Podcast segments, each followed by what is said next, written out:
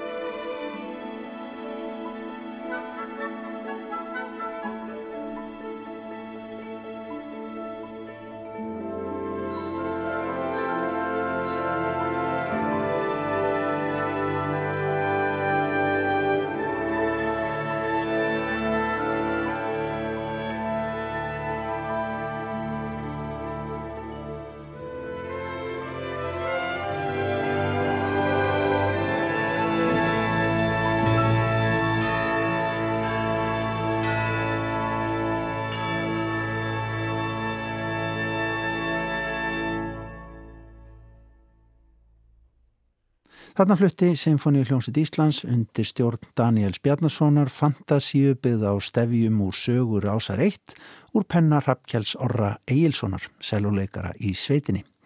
En heyrum aðeins hvaða stef Rappkjell notaði í þessa fantasíu sína sem frumflutt var á sjónvastónleikunum á förstu dag.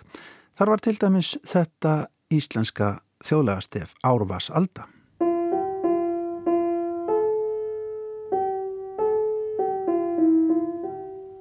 Stef fyrir dánarfregnir og jarðarfarir samti Jón Múli Átnarsson útastölur og útastmaður til margra ára.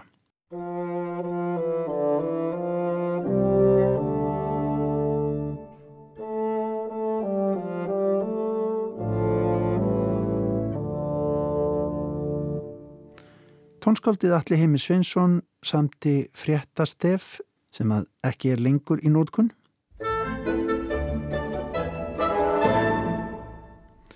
Egil Jóhansson, tæknimaður hér hjá útarpinu, hann er höfundur núverandi fréttastefs út af sinns.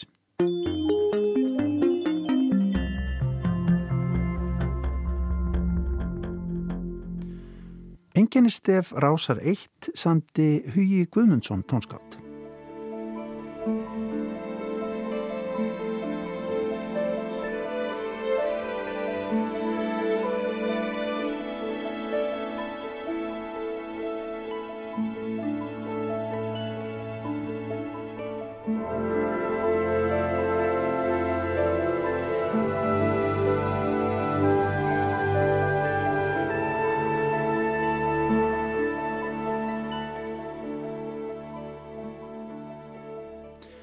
Þetta var flettað örlítilli morgunleikvimi Davíð Þór Jónsson, hann á morgunleikvimi stefið.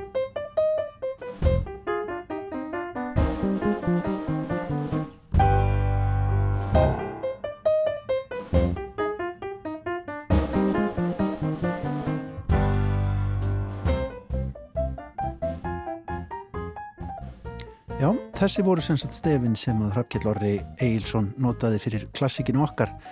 En við töluðum líka við tvö eðal tækni tröll sem að störfuðu árum saman við hljóðrutanir á tónleikum Sinfoníu hljómsveitar Íslands, þá Bjarnar Rúnar Bjarnarsson tónmeistara og Reyn Valdimarsson hljóðmeistara. Ég átti við þá langt og gott spjall um samstarf stopnarnana tveggja sem að sjónvars áhöröndur fengu reyndar bara mýflugu mynd af á föstu dag. En hér hljómar lengri útgáfa, við byrjuðum á því að ræða við þá um áhrifin sem tilkoma ríkisútarsins hafði á tónlistalífið á sínum tíma þegar það var stopnað árið 1930 meðal annars með þessum orðum Helga Hjörvars. Hér fyrir framann mig á borðinu er tendrað lítið ljós.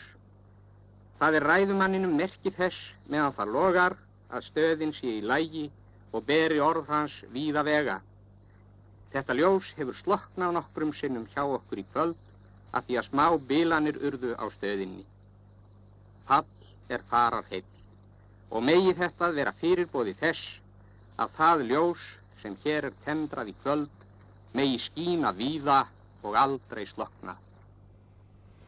Já, það er náttúrulega opnast 1930 alls konar gáttir fyrir, fyrir hérna, alls konar hæfileika og, og þar með náttúrulega tónlist og þessi, sko, þessi della út af síns frá upphafi að, að fræða og uppfræða og, og, og þar með náttúrulega þetta rúm fyrir það að búa til einhvers konar út af sljónsitt, einhvers konar hljónsittir af öllum toga, bæði stórum, stórum og stórar og litlar hljónsittir til þess að spila tónlist sem að kannski Íslendingar hafi ekki heyrt hinga til, bara til þess að uppfræða og sína, sína hvaða í raun og hvað tónlistin getur verið fjölbrytt.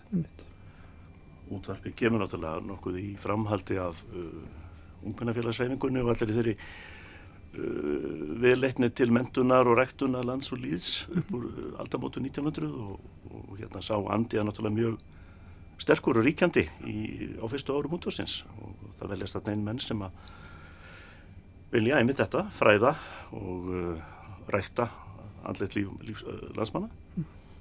Ég held að þetta sé svona megin filosófían í, í byrjunni. Mm. Og það þýðir að, að það dregst til út á sinns hæfileika fólk til dæmis á sviði tónlistar sem að vil til dæmis komast í aðstöðu ekki satt þegar það kemur á upptökutæki. Jú, jú. Uh, eitthvað hafi nú verið hljóðritað áður þannig í kringum Já, þetta var handal hérna alþingisátteðar hennar, var það ekki? Já, 1930. Teknar þá sögur. Já, það var, já, já, það voru teknar upp, uh, tekinu upp 120 lög, 60 satt, plötur, 1930 og útvarpið náttúrulega nýtti sér þær mjög vel. Hafði ekki eigin aðstöðu allra fyrst til að hljóður í það? Ekki fyrir 30, 1935, þannig að, að, þannig að það var, það var sagt, mjög kærkomið að fá íslenska tónlist og fá bara góðan stapla af, af þannig tónlist og, og og þá nefnilega þá eru komnir inn í raun og úr sko svona inn fyrir þröskuldin fullt af, af hljóðfæraleikurum sem að í raun og úr urðu kjartin í þessum útafsljónsutum og þessu í raun og þessari þessu, þessum aðdraganda því að, að gera stóra hljónsutt mm.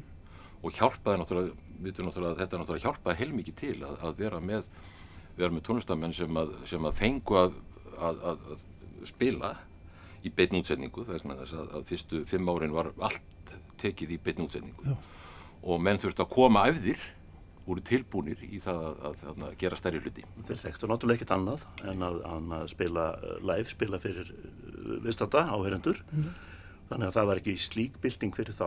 En nei, nei. síðan kom möguleiki með upptökutækninni að taka aftur ef eitthvað mistókst. Já, já. Þó það hafi náttúrulega þrófast yfir í hérna nánast mikla öfgar í dag þegar það tekinir upp nánast bara tótt fyrir tón og, og unni með og, og púsað og, og lagfært. Mm en þetta er mikil breyting frá þessum tíma.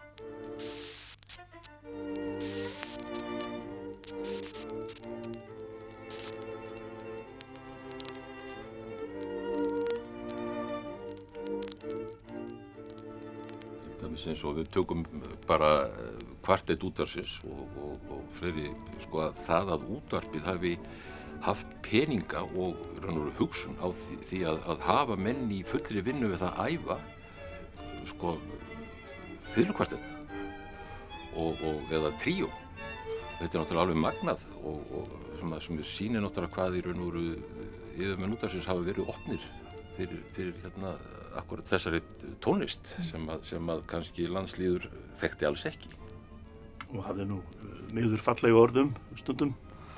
Og gert hann um symfóníu garg og annað slíkt. Og gaulið. Og gaulið. En fólk var bara að landi hafa það. Já, já, já, já.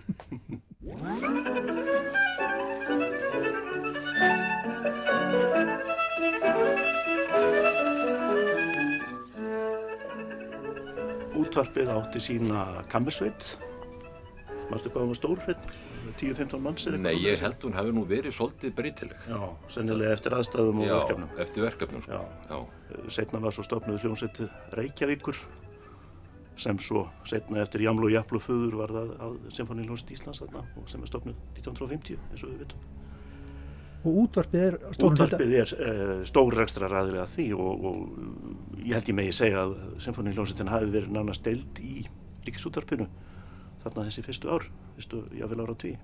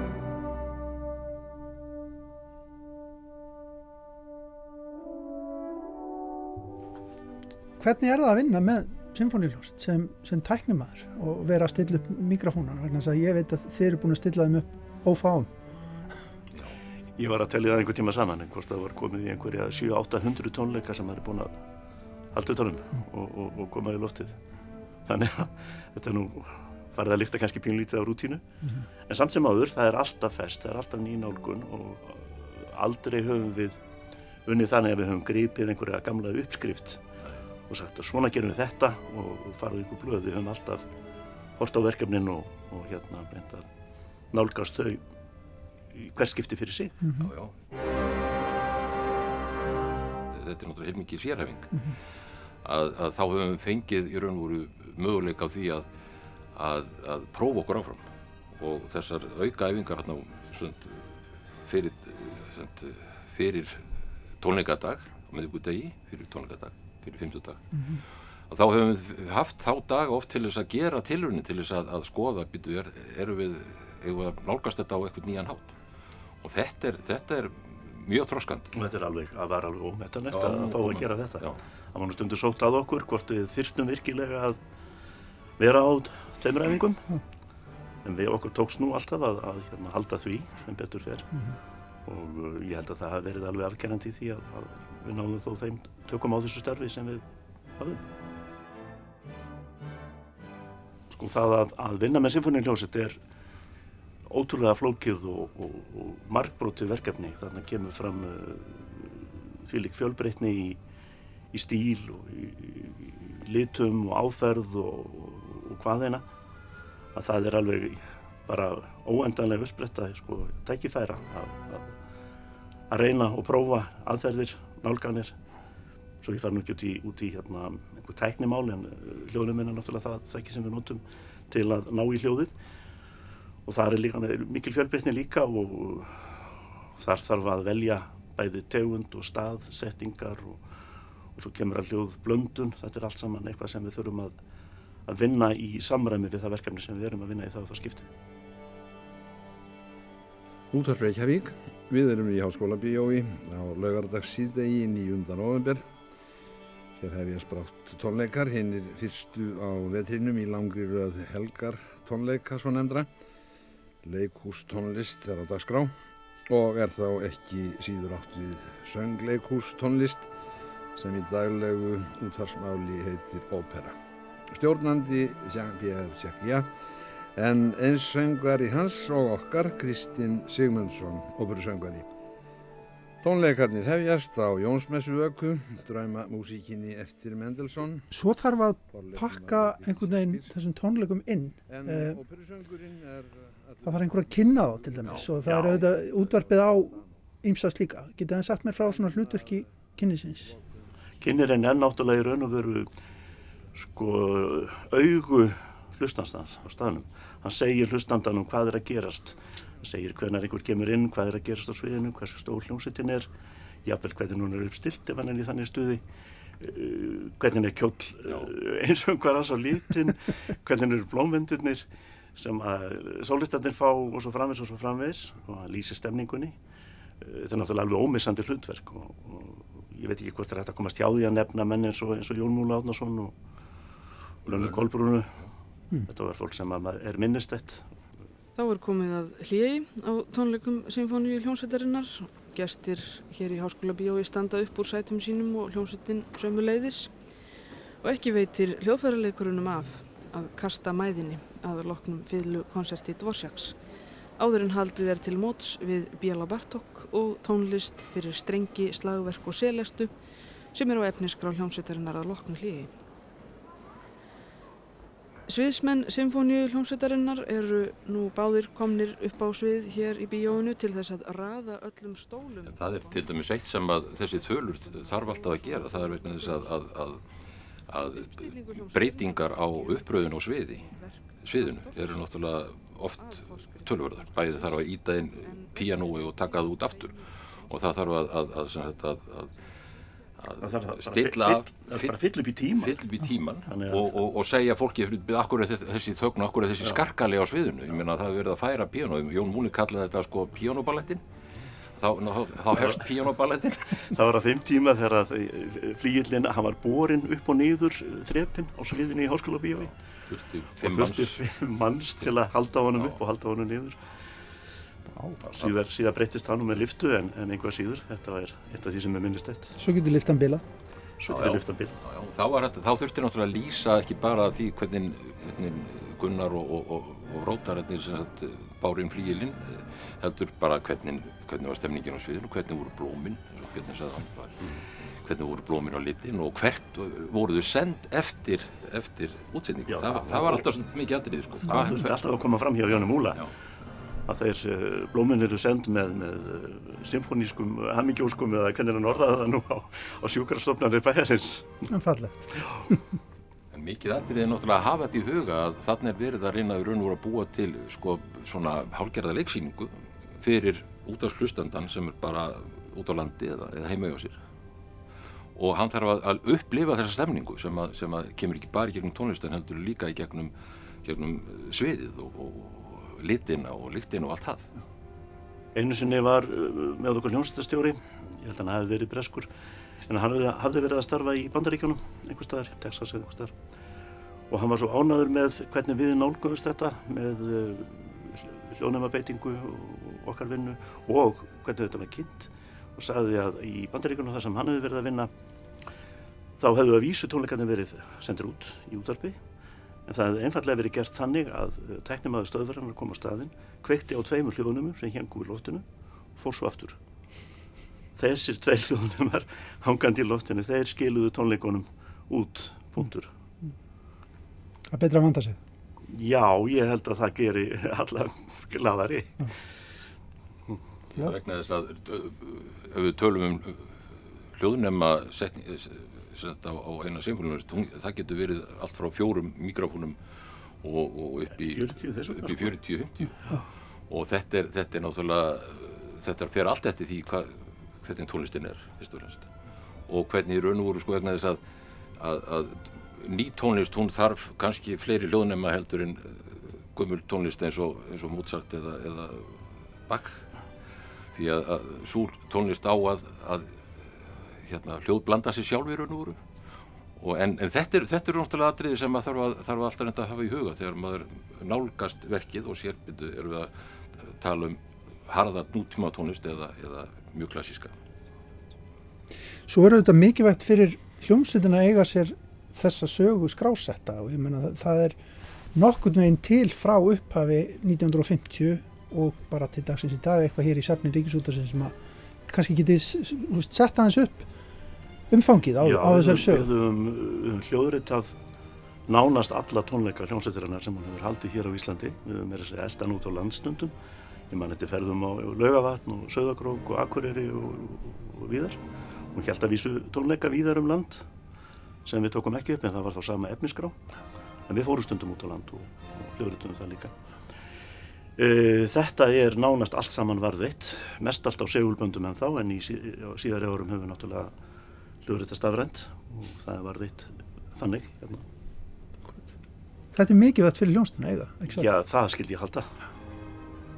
Þetta er, líka, þetta er líka mikilvægt fyrir bara Íslandinga og, og ekki bara útvarpið heldur bara, bara Ísland sem sjálfstætt ríki og, og að eiga svona flotta hljónsveit og, og hljóðrítanir af öllum tónleikum eða flest öllum tónleikum frá upphafi þetta er náttúrulega feiknæla mikil, mikil, mikil gullnáma sem við náttúrulega eigum að, að, að vera svolítið stolt af og, og, hérna, og líka það að sína það að þarna eru er tvær sko, svona samhliða stopnarnir Ríkisúttar og Sinfónia sem að geta unni saman og ættur náttúrulega að vera eins og, eins og þessi, þessar tvær stopnarnir hafa verið laungum raun og voru sem svona sýstur stofnanir og, og hefum haldið því áfram.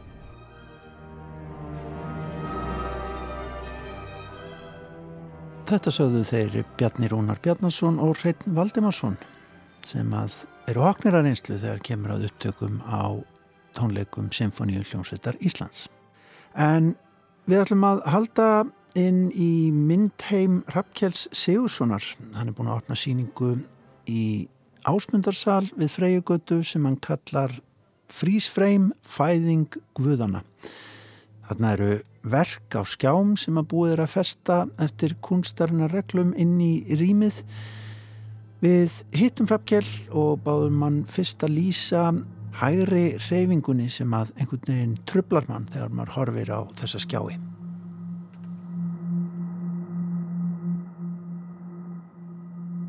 Það sem sést á skjánum er ísskúltúrar sem að ég hef unnið í samvinni við náttúruöflin upp á skálafelli og það er ferli sem hefur tekið e, sex ár frá því að svona, ég fór fyrst að prófa mig áfram. Eins og svo oft bara ekki endilega með skýra hugmynd um hvað nákvæmlega með langa til að gera heldur bara e, skinja í einhverja möguleika þarna sem ég þarf einhvern veginn bara að kanna betur sko. Og ég fer hann af stað upp á fjall með honum Aróni Reynisinni félagið mínum sem var mín stóðu stutta í þessu verkefni til þess að koma fyrir járstykkjum með það í huga að þeirra myndi hlaða á sig ís sem ég myndi síðan ljósmynda. Og fyrstu tilurðunar voru mjög svona nei það þarf að gera þetta öðruvísi. Svo aftur og aftur breyta, breyta. Þetta smá saman sá ég hvað þurfti til. Og endunum var ég svona komin með formið nokkurt veginn sem að um, mér fannst henda í það sem að ég sá fyrir mér eða sem ég fannst virka.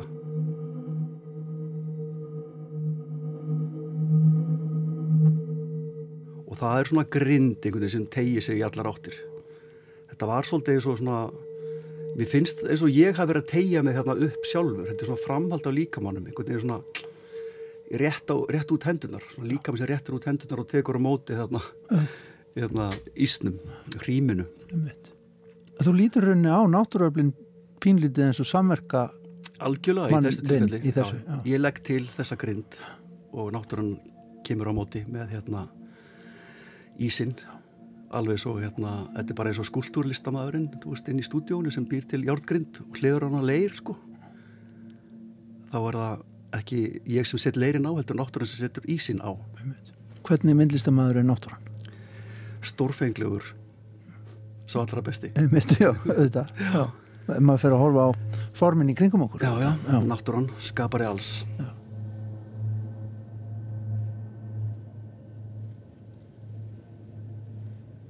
Hvernig hérna svona fættist þessi hugmynd? stundum þá hérna reyni ég að fletta tilbaka í skissubækur. Veitu hvar er þetta? Og stundum er þetta sko eitthvað pínulítið krót sko fimm árum áður en ég held að hugmyndin hefði eitthvað hefði byrjað að spretta sko. Einmitt. Og þá er það bara eitthvað mjög óljóst þú veist, eitthvað hérna bara hrímuð gluggatjöldi eða eitthvað. Einmitt. og svo, já, herðu, skoða þetta betur. Og svo einhvern veginn bara vex það og þróast við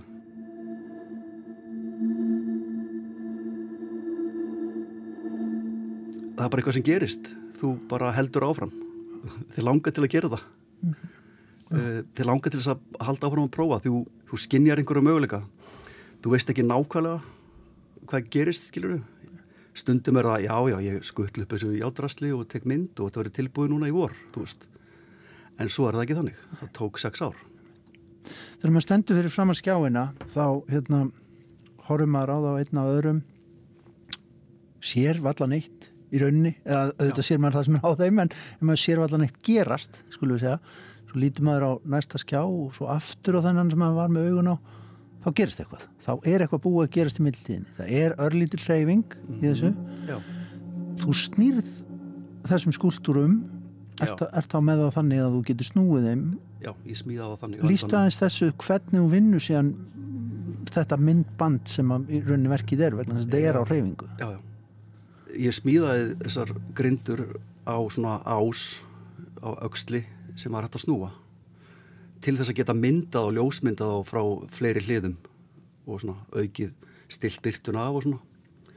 Og þá náttúrulega var það borlegjandi að prófa vídeo fyrst er snerist svona. Og um, já, ég bara leggst þarna í jörðina undir stikkið og sný hægt reyna að vera fyrir utan kameru.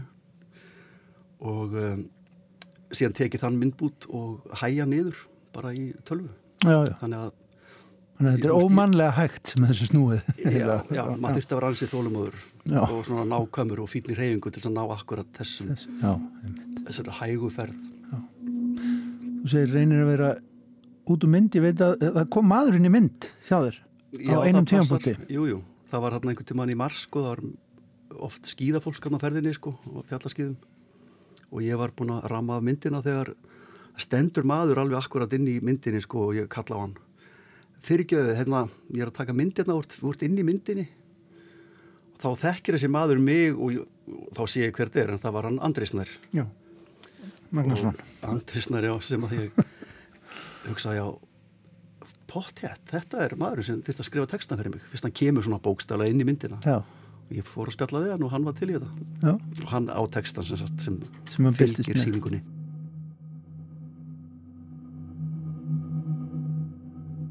Andri Snær á hlaupum út í Kaupmannahöfn vísar meðal annars í fyrriverk Krabkjells Sigurssonar. Plastbóka lífveru einhvers konar sem að flýtur í vatni og ruslahauga sem hann hefur myndað í verkum sínum. Það er talað um mannöldina í anthroposín þar sem maðurinn og áhrif hans er á skala við helstu upp jarðsögunar, ísaldir, fleikahefingar og lostinarregn. Segja má að plastpoka lífverðan í vatninu og ruslahaugarnir séu einn tærasta byrtingamind þessa tíma. Í samfélagi þar sem flestir eru neytendur í þjónustusamfélagi sem framlega lítið sem ekkert eru haugarnir á álsnesi helsta afurðin sem þetta samfélag skapar og skilu eftir sig fyrir komandi kynslaður. Ólíkt öðrum lífverum og öllu lífveriki þar sem úrgangur eins er næring annara lífveru þegar við skapað úrgang sem er gagsleis og skadalegur, eitraður og jafnvel bannvært öðru lífi, jafnvel öllu lífi.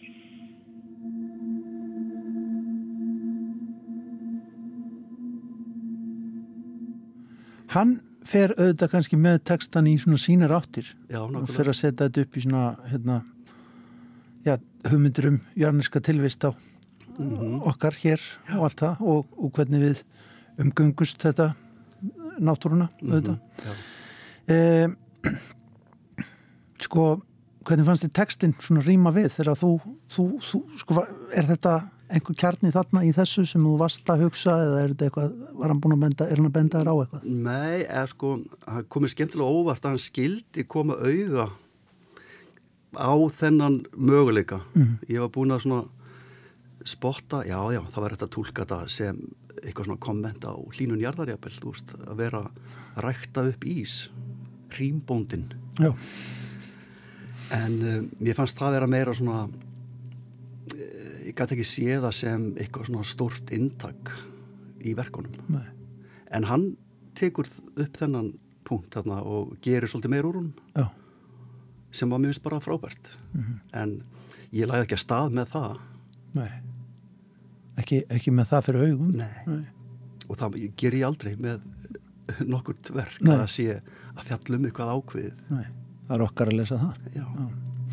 En þú ert samt að tala um að þú upplifir þig hérna, svona daldið á fjálstindi Mm jafnvel með líkamann og það hlaðist utan á hann og, og, og þú sért að einhver leiti rýmbóndin Já, já. eh, Þú kallar sýninguna frísfreim en það er líka eiginlega undirtitill eða yfirtitill sem er daldið, ég er nú að segja bara daldið vagnerískur sko, fæðing guðana, takk Já, fyrir. einmitt. ég var svolítið ánægð með hann sko en ég hugsaði líka, nei þú veist þetta er allt of grandiós skilur, ég má þetta ekki. Átti sýningin að heita þetta, Um, hún hétt þetta á tímbili Já. þessi titill var til bara einhvern mann í vor sko þegar ég var að skoða verkin og ég var að lýsa verkonum fyrir vinum mínum og svona segja frá einhvern veginn tilurðinni og ég var að reyna að fara inn í þetta og reyna að lýsa svona á eins einbeittan og svona ástriðufullan hátt og ég gat, ég var svona, ég var í rauninni í lýsingunni að reyna að sækja í einhvern kjarna, þú veist bara, ég var svona, hvað ég var að reyna að lýsa svona eins vel og ég gat og þá rekkur þetta út um mér, fæðin guðana og þeir bara, já, bara, þú veist, stóðu upp og klöppuðu, þetta er titillinn. Og ég var rosa til í það. Já. en síðan hérna það sem að gerðist var að þetta er svolítið svona grand titill og hérna sem að mér finnst bara gaman að geta bara leifa sér að gera það sko vera svona svolítið episkur þetta, mér finnst þetta að vera svolítið svona epist verkefni. Einmitt. og hann er svolítið svona bíómyndalegur fannst mér líka. Eins og þetta væri titill á einhverju, einhverju gamalli Hollywood stórmynd Einmitt.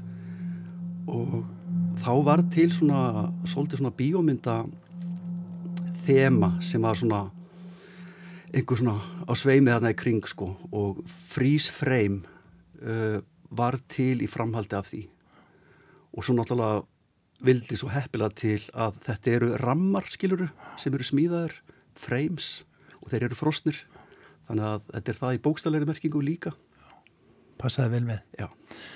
Rafgjell, sérðu fyrir þér að auðvitað, og kannski er svarið sko, já ég er alltaf að því, en, en hérna, sérðu fyrir þér að vinna meira með náttúrun á þennan beinahátt, þar er að láta hann, hann að bara vera sko eins og aðstofamann eða, Já. eða yfirmann. Já, alveg pottitt yfirmaður sko. Og líka aðstofamaður þegar ég gerði þarna bóluplastið í vatninu þá náttúrulega móta náttúruöflin plastið. Þannig ég legg það til og náttúran kemur og mótar það með þú veist, þrýstingi á vatninu og, og reyfingunni í vatninu og svo framvegs og þetta er svona í þeim anda og ég er ekki með klára hugmynd í kollunum eins og er en það kemur ekkert óvart að er þið eitthvað framhald í þessum dúr. Það er gaman að hafa ja, mótsvar, leggja eitthvað fram, fá svar tilbaka. Já, þetta er, ég get bara að valla ímynda með neitt meira spennandi sko, að, að þú veist, við veist ekki alveg hvað gerist. Hvað kemur náttúran með núna fyrir mig eða okkur? Og það er svo óendalega margir einhvern veginn möguleikar mörg blæbriði, þú veist, það er svo margt sem gerist. Hérna, þannig að þetta er mjög heilandi og spennandi, já. Við mögum að halda áfram bara. Já, já, auðvitað. Ég meina, ég ætla að halda áfram með þetta verkefni í vetur. Já, já, ok. Já, Svo, ég er, ætla að þess að bæta við þetta já. Aðalega bara því að það er svo gaman. Já og fara upp á skálafell Já, og það er svona, ég sé svona möguleika sem ég get svona aðeins prófað Já, áhugavert, það Já, er gaman mjög- að fylgjast með því. Já. Takk hella fyrir komuna í Víðsjó Takk.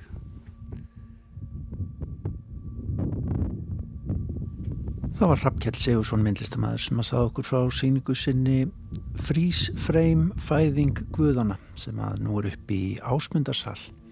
En þess má geta að eh, hljóðin sem að hér heyrast að baki er úrverkinu tónverk eftir Þorstein Eifjörð en upptökurnar koma beint úr skúltúrunum upp á fjallinu, upp á skálafelli. En þá hugum við að ljósmyndinni Halla Harðardóttir hefur fengið til sín góða gesti. Æsa Sigurjónsdóttir og Sigrun Alba Sigurðardóttir eru rittstjórar splungunýrar bókar um íslenska samtíma ljósmyndun. Fagurskinna gefur bókina út en útgáfan er kostuð af félagi íslenskara samtíma ljósmyndara, myndlistarsjóði, myndstefi og miðstöð íslenskara bókmenta. Það er Æsa og Sigrun Alba eru hingað mættar til að segja okkur betur frá bókinni sem ber þann fagra titil Fegurðin er ekki skraut. En uh, titillin er tekin úr ljóðinu Rattir í loftinu eftir Sigurd Pálsson. Við ætlum bara aðeins, ég ætla að fara aðeins með ljóð, fyrsta erindi ljóðsins svona í upphafi spjálsins. Hvað sem hver segir er fegurðin ekki skraut, heldur kjarni lífsins. Æsa og Sigrun Alba til hamingi með þessa veglugu bók Takk fyrir. og velkomnar í Viðsjá. Takk, takk. Þið tali um það í ingangi að uh, samtíma ljósmyndun hafi kannski ekki fengið þann sess í listasögunni hér á landi sem án á skilið. Ekki satt? Jú, það var svona í rauninni, það kom út hann íslensk listasaga fyrir nokkrum árum og félagsmenn í Físl, félag íslenskra samtíma ljósmyndara, þeim fann svona hlutur ljósmyndarinnar ekki vera sá sem hann átti skilið í bókinni þannig að um, það fór fljótlega innan félagsins að stað umræða um uh, að gefa út í rauninni bók þar sem að ljósmyndun sem miðill, listmiðill væri gert uh, hátt undir höfði Mhm. og uh, hugmyndin líka var að skapa umræðu um ljósmyndun sem listmiðill og uh, þannig að það er svona, það má rekja tilkomið þessara bókar til þessarar umræðu sem eins konar viðbröð við listasögunni. Mm Einmitt, það er endar, endar minnist líka á það í ingangi bókarnar hversu mikilvægt að sé að rannsaka ljósmyndina núna kannski sérstaklega á þessum tímum þar sem að ljósmyndin er allstaðar og alltumlíkjandi til dæmis bara á samfélagsmiðlum. Mm -hmm.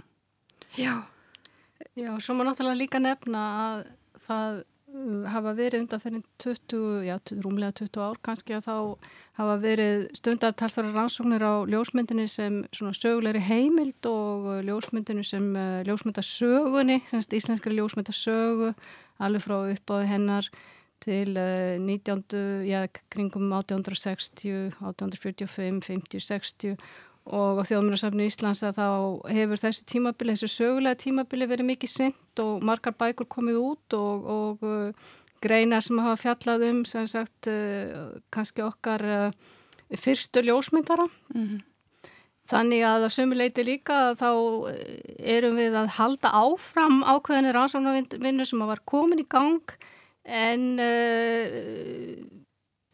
koma okkur meira inn í samtíman og horfa á sagt, hlutverk ljósmyndarinnar í okkar samtíma sem er náttúrulega að mörguleiti allt annað heldur en það var hér fyrir á, kannski fyrir hálfri öld eða slíkt.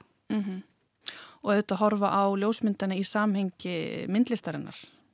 Það er náttúrulega áherslan í þessari bók er rauninni að skoða ljósmyndun sem hefur eitthvað annað markmið en að vera bara skrásetningatæki eða uh, heimild eða svona upphafning á veruleikonum eins og kannski uh, ljósmyndun getur auðvitað líka verið og það er náttúrulega alveg efni í aðra bók síðan að fjallum ljósmyndun sem þetta samfélagslega menningarlega fyrirbæri sem að þú myndist á Mm -hmm. sem er orðið gífurlega ábyrjandi í samtímanum en við sjáum líka bara í íslenskri myndlist og alþjóðleiri myndlist að ljósmyndun sem miðill er alltaf að fá veglegri sess til dæmis á listasöfnum og gallerjum og það hefur endur speglast líka hér með til dæmis síningum í listasöfni Íslands og, og síningum í gallerjum eins og Átta og Berg og Hafnaborg gerðarsöfni mjög víða. Þannig að það, ég held að þetta sé kannski ágætist tími til þess að taka umræðuna uh, svolítið förstum tökum um ljósmyndun sem miðil í íslenskri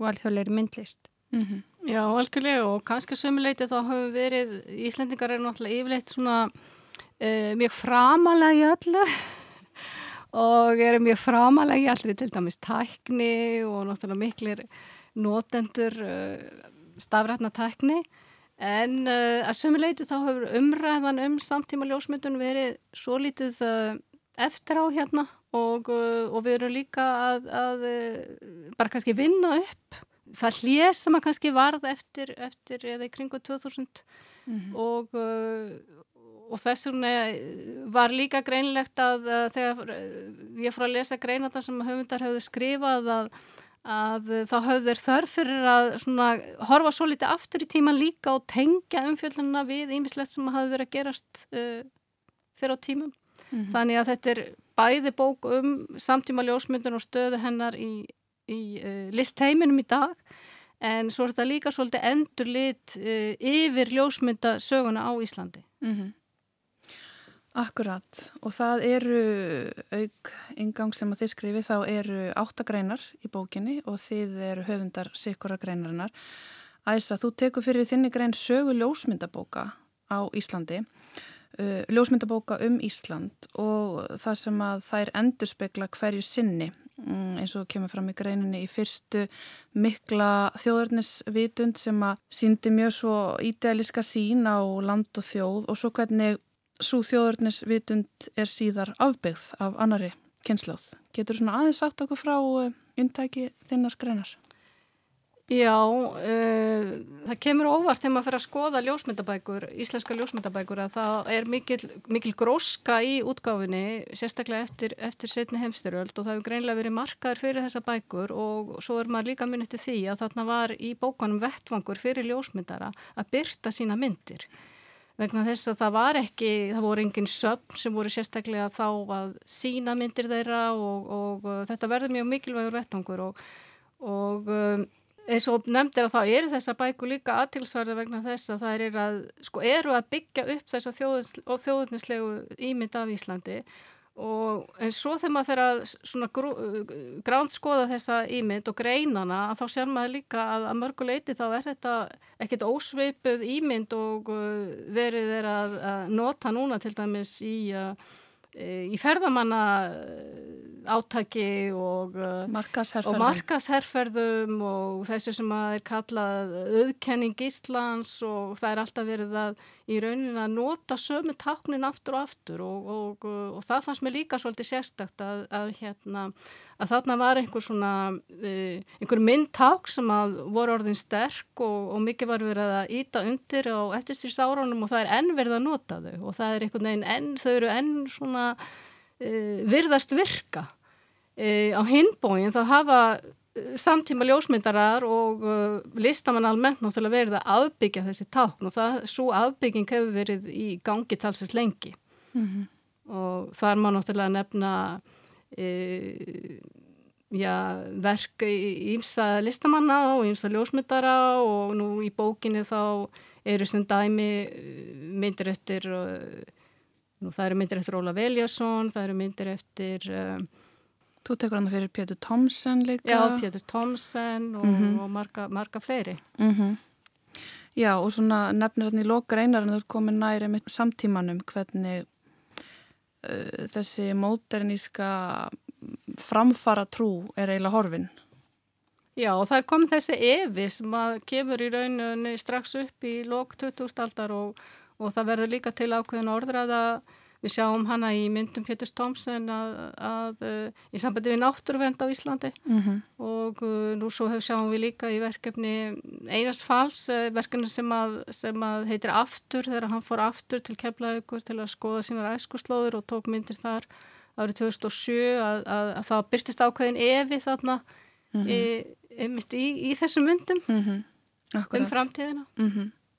Og þá erum við kannski komið nær því sem að þú ert að fjalla um líka í þinnigrein Sigrun Alba, þar sem að þú fjallar um uh, ljóðurana frásögn í íslenskri orðenda líka norrætni samtíma ljósmyndun, ekki satt? Jú, um, mitt ég nota þetta hugdag ljóðurann frásögn til að lýsa ákveðinu afstöðu sem ég finnst byrtast í verkum uh, margra íslenskra samtíma ljósmyndara og líka norræna uh, kollega sem að margir hafa jafnvel sínt með hérna á Íslandi eða sínt með íslensku ljósmyndurum og þetta ljóðurinn, þessi ljóðurinn af frásögn uh, snýst svolítið um það að um eiginlega sambandi við veruleikan og að þú veist að ljósmyndarinn vill í gegnum uh, sinn miðil byrta einhvern veginn þessa djúbu skinnjun, þetta samband við veruleikan sem við þurfum að tengjast upp og nýtt kannski núna svona á tímum lofslags uh, krísu, mm -hmm. ef svo má segja.